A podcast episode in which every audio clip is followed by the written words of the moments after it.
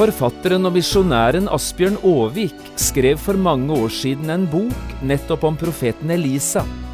Elisa Safats sønn kalte han boken sin. I et av kapitlene forteller han om en hendelse fra sin egen barndom, som du nå skal få høre om i dette programmet. Hans mor var enke, og det er møtet mellom moren og en dansk kjøpmann han forteller om. En helt utrolig historie.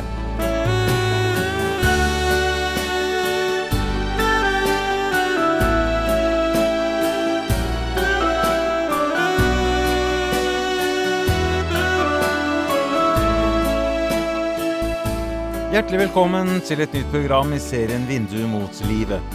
Programmet er produsert av Kristen Riksradio og blir ledet av Jon Hardang. Dette programmet er produsert med støtte fra Sambandet Forlag AS.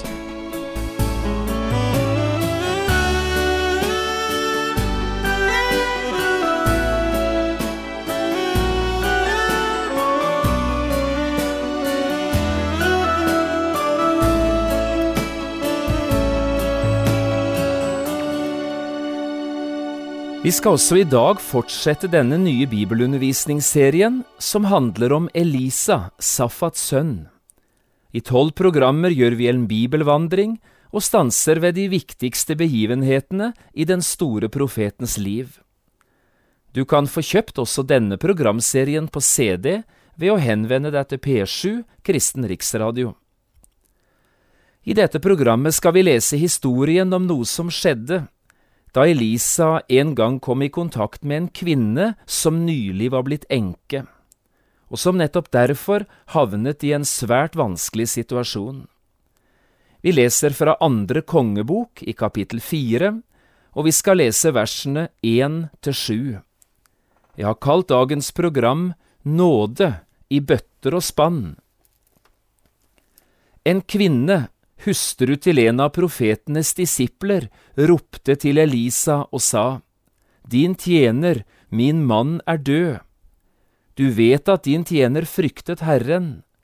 Nå kommer en som han sto i gjeld til, og vil ta begge sønnene mine til treller. Elisa sa til henne, Hva kan jeg gjøre for deg?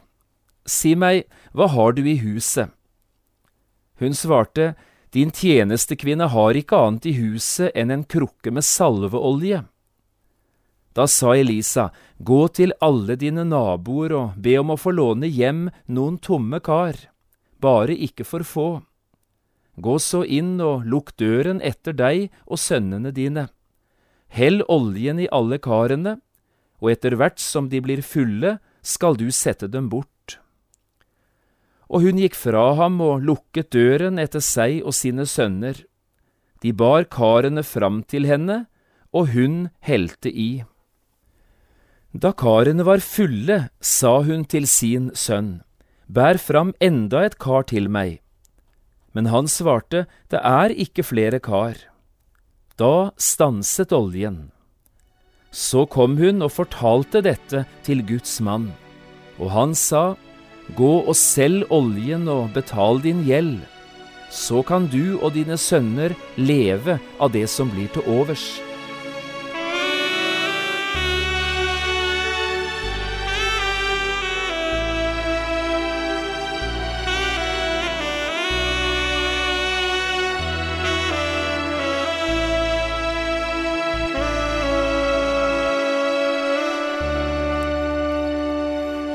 På selveste julaften i året 1866 ble det født en liten pike et sted på østkysten av USA. Den vesle piken fikk navnet Annie og etternavnet Johnson etter sin mor og far. Denne piken skulle bli en av USAs mest respekterte og kanskje aller høyest elskede kristne sangforfattere. Annie Johnsons liv er en eneste lang lidelseshistorie. Og nettopp dette er nok forklaringen på at sangene hennes nådde så dypt inn i det amerikanske folket som de virkelig gjorde. Disse sangene, som var født i smerte, bar med seg en egen livskraft og overbevisningsevne. Tre år gammel mistet Annie sin mor i barsel, da lillesøsteren ble født. Faren, som selv var syk til døden, adopterte da de to småjentene bort, ikke fordi han ikke elsket dem, men fordi han forsto at de trengte en tryggere framtid enn det han selv var i stand til å gi dem. Åtte år gammel mistet Annie også sin mor. Men det barnløse ekteparet, Flint, ga de to jentene all den kjærlighet og omsorg som de kunne ta imot. Og i hele sitt liv bar Annie Johnson også etternavnet Flint, i takknemlighet for alt disse to adoptivforeldrene hadde gitt både henne og søsteren. Tragedie nummer tre møtte Annie i tenårene, da hun med ganske kort tids mellomrom også mistet begge sine adoptivforeldre. Denne Annie Johnson Flint bar på drømmen om å bli lærer. Hun tok noen års utdanning og kom i arbeid som lærer vel 20 år gammel. Da rammet tragedie nummer fire den unge læreren. Hun ble angrepet av en hissig revmatisk sykdom, og fikk beskjed om at hun i løpet av kort tid måtte regne med ikke lenger å kunne gå. Og det gikk nøyaktig som legene sa. Fra tidlig i 20-årene ble hun lagt inn på et behandlingshjem for pasienter med revmatisme. Her ble hun boende inntil hun døde i 1932, 66 år gammel. Allerede i barneårene viste Annie Johnson Flint at hun hadde spesielle poetiske evner og hun hadde også sterk lyst til å skrive. Og dette skulle bli hennes store livsgjerning. Annie skrev helt inn til sin død. De siste årene satt hun i sengen sin, støttet opp av flere puter, og med forvridde og hovne fingre forsøkte hun å feste til en tavle de ordene som fremdeles vellet fram fra den rike kilden inne i hennes hjerte. Nå er det ikke mange av Annie Johnson Flints sine sanger vi har brukt i Norge, men én sang kjenner vi. Den ble skrevet i 1928, fire år før hun døde, og denne sangen er en skjønn beskrivelse av den Gud som vi snakker om også i denne programserien. Jeg har sett sangen oversatt i norsk språkdrakt, men det er i svensk oversettelse vi er best kjent med den, også her i Norge. Nå vil jeg gjerne sitere litt fra denne sangen for deg, og med Annie Johnson Flints livshistorie som bakteppe taler ordene hennes fremdeles sitt sterke språk. Nå skal du høre. Han gir mer av nåd når min børda blir større, når arbeidet vekser, mer kraft han beter. Vid økade trongmål hans kjærleik fordublas, når prøvningar møta, sin frid han mig gjer. Og så kommer refrenget. Hans kjærleik er grensløs, hans nåd er uendelig, hans kraft ingen menneska utforskat enn.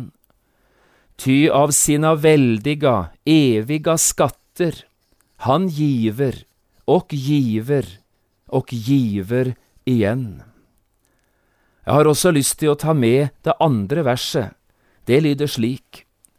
Når alt hva vi ekt ut av motsynet svika, når kraften er tømd, fast en dag ei er slutt, når vi har nått botten av tilgångar egna, vår Fader då endast begynt at ge ut jeg synes dette er en utrolig flott skildring av en både stor og rik Gud, gitt oss av en kvinne som i livet sitt virkelig hadde fått bruk for han.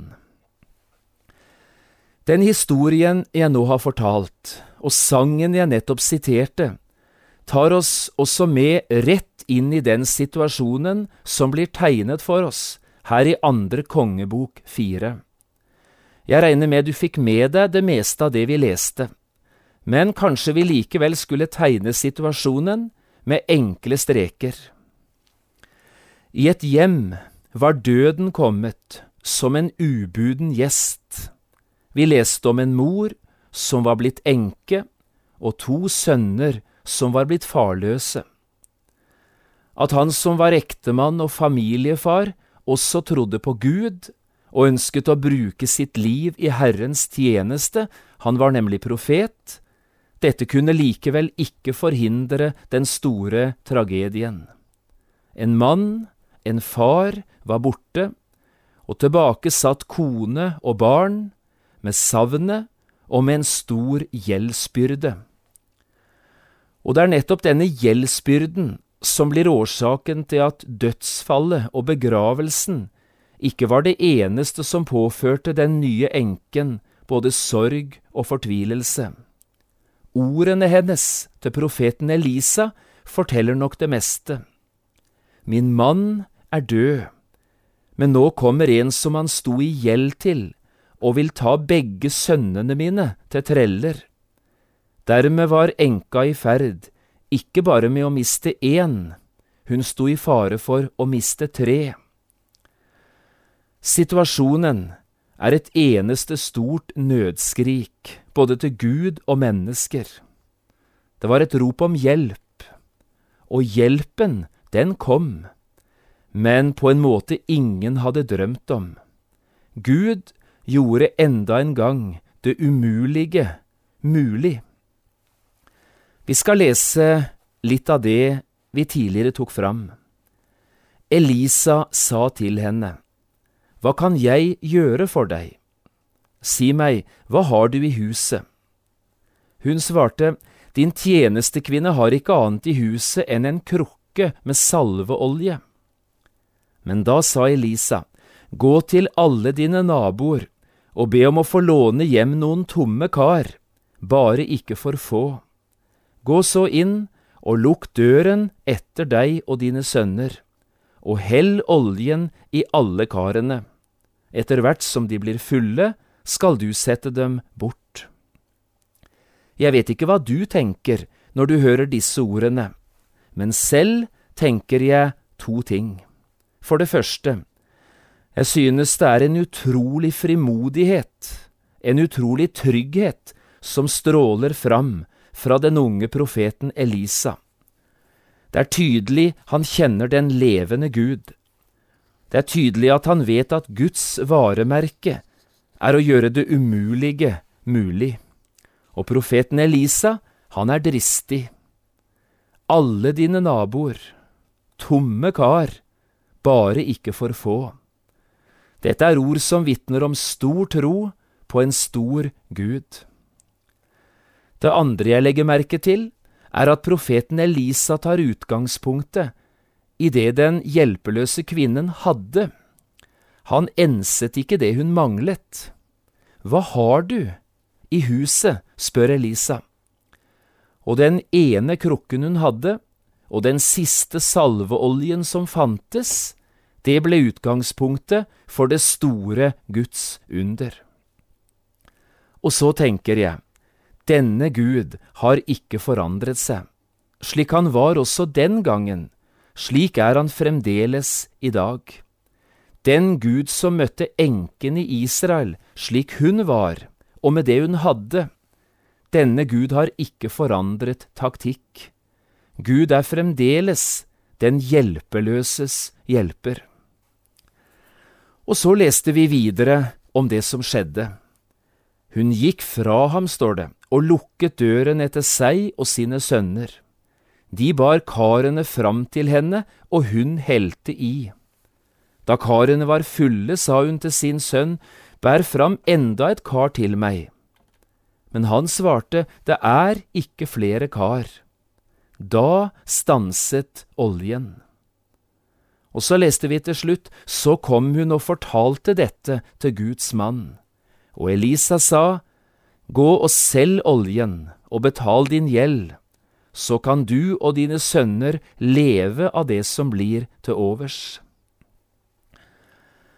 Ja, sier du kanskje, du som hører dette, dette er jo en fin historie, men én ting er en enke og to sønner, En annen sak er jeg og det livet jeg lever i dag. Hva har denne historien å si slike som meg nå? Ja, også dette vil jeg si litt om i slutten av programmet, for den har virkelig noe å fortelle oss, denne historien, noe stort og noe viktig. Men jeg vil gjøre det på min måte. Nå skal du høre. Misjonæren og forfatteren Asbjørn Aavik skrev en gang en bok som han kalte Elisa, Safats sønn. I et av kapitlene i denne boken tar han nettopp fram den historien vi har foran oss i dag, historien om enken som var i nød. Og i den sammenhengen forteller Asbjørn Aavik om en hendelse fra sitt eget barndomshjem. Den har jeg lyst til å gjengi nå mot slutten av dette programmet. Asbjørn Aavik forteller det slik. Jeg var visst åtte år, og det var ettermiddag. Mor sa vi skulle ro over sundet til kjøpmannen. Han var dansk innflytter. Paul Jacob hette han. En kristen var han også, og hadde i mange, mange år drevet søndagsskole i det lille skolehuset på den andre siden av sundet. Vi brukte å ro over der om søndagene, hvis ikke sjøen gikk altfor vill og skummende. Da ville ikke de voksne gi oss årene. Men denne hverdagsettermiddagen lå sjøen blank og stille. Jeg rodde, mor satt på toften rett imot. En tom kurv sto på en tilje. Ikke ett ord ble sagt, mens jeg prøvde å dyppe årene i takt med ettermiddagens fløyelshav. En og annen gang kikket jeg bort på mors ansikt. Det var mørkt og ubegripelig trist. Som vi nærmet oss en brygge på den andre siden av sundet, hadde sorgen bredt seg videre ut. Et par ganger tenkte jeg å spørre hva det var, men jeg holdt det inne, våget det ikke bremset bare godt med årene så vi skulle ta land uten å merke det engang. Et støt mot en bryggestein nå ville bety skjenn fra et så mørkt ansikt. Så sto vi der, ved disken hos Paul Jacob. Mor hadde lagt i kurven det hun skulle ha den dagen. Så tok hun opp en slitt pung fra en lomme i skjørtet og betalte. Da var det at dansken dro ut en skuff og la en forunderlig bok på disken. Den var uformelig, lang og smal, men tykk. I denne boken bladde han seg fram til et navn på en side. Jeg strakte meg på tå for å se, jo, der øverst på siden sto min mors navn. Jeg leste bakvendt og kikket opp i mors ansikt. Hun fulgte mannens finger nedover en rekke tall, helt ned til en sluttsum. Med fingeren på det tallet ser han opp. Du skylder dette. Jeg vet det. Så ble det en lang pause. Det var ikke andre i butikken nettopp da. Bak disken var Paul Jacob alene. En gammel klokke fikk tid til å tikke der mellom mel og sukker, mellom to sekker. Men mors pengepung kom ikke opp igjen, den var tom nå. I et glimt gikk det opp for gutten fra enkeheimen der ved disken, og den forunderlige boken som dansken nå hadde snudd så navn og tallrekk og sluttsum lå like imot oss. At det var denne boken i en stor skuff som la skyggene over mors ansikt, skygger som mørknet etter hvert som vi kom boken nærmere. Dette var enken fra Elisas tid, som intet hadde å betale med. Fremdeles var det bare oss tre i butikken, og fremdeles var det gamle veggur ikke enig blitt med seg selv. Tikk, takk, tikk, takk.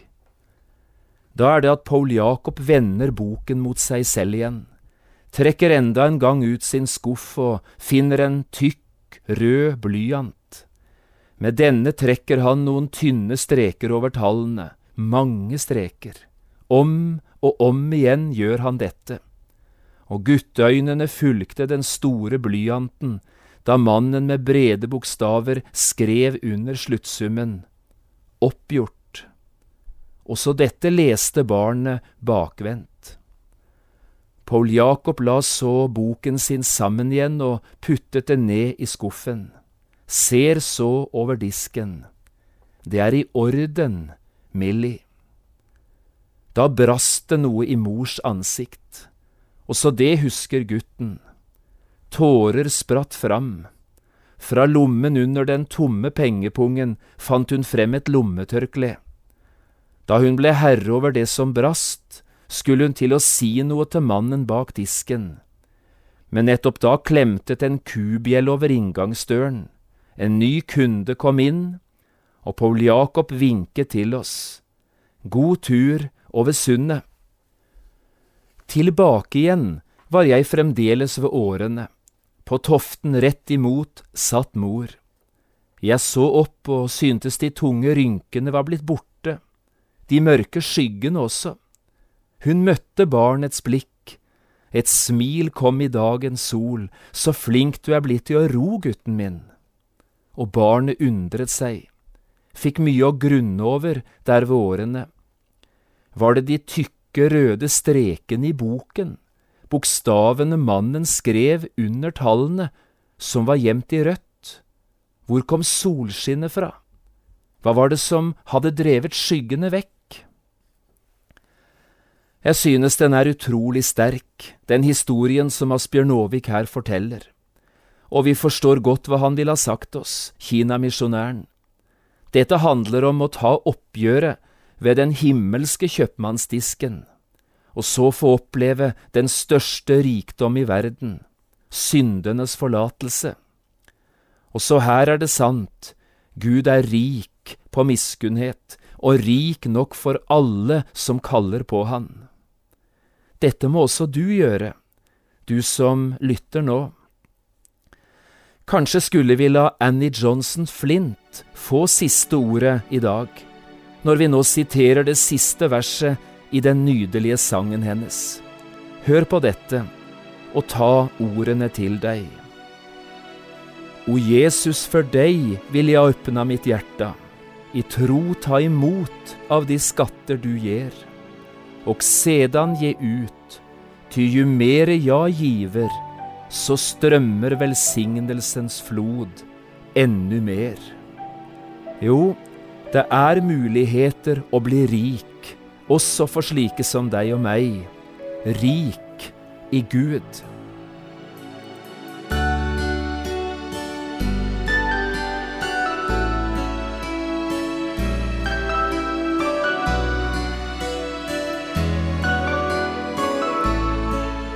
Du har hørt på et program fra serien Vindu mot livet med John Hardang. Programmene i denne serien kan også kjøpes på CD fra P7 Kristen Riksradio, eller høres på internett på p7.no. Har du spørsmål eller kommentarer til det du nå har hørt, kan du ta kontakt med oss på telefon. Da bruker du telefonnummer 56 32 17 01. Du kan også sende oss en e-post. Adressen er vml.krøllalfa.p7.no. Takk for i dag, og på gjenhør. Thank you.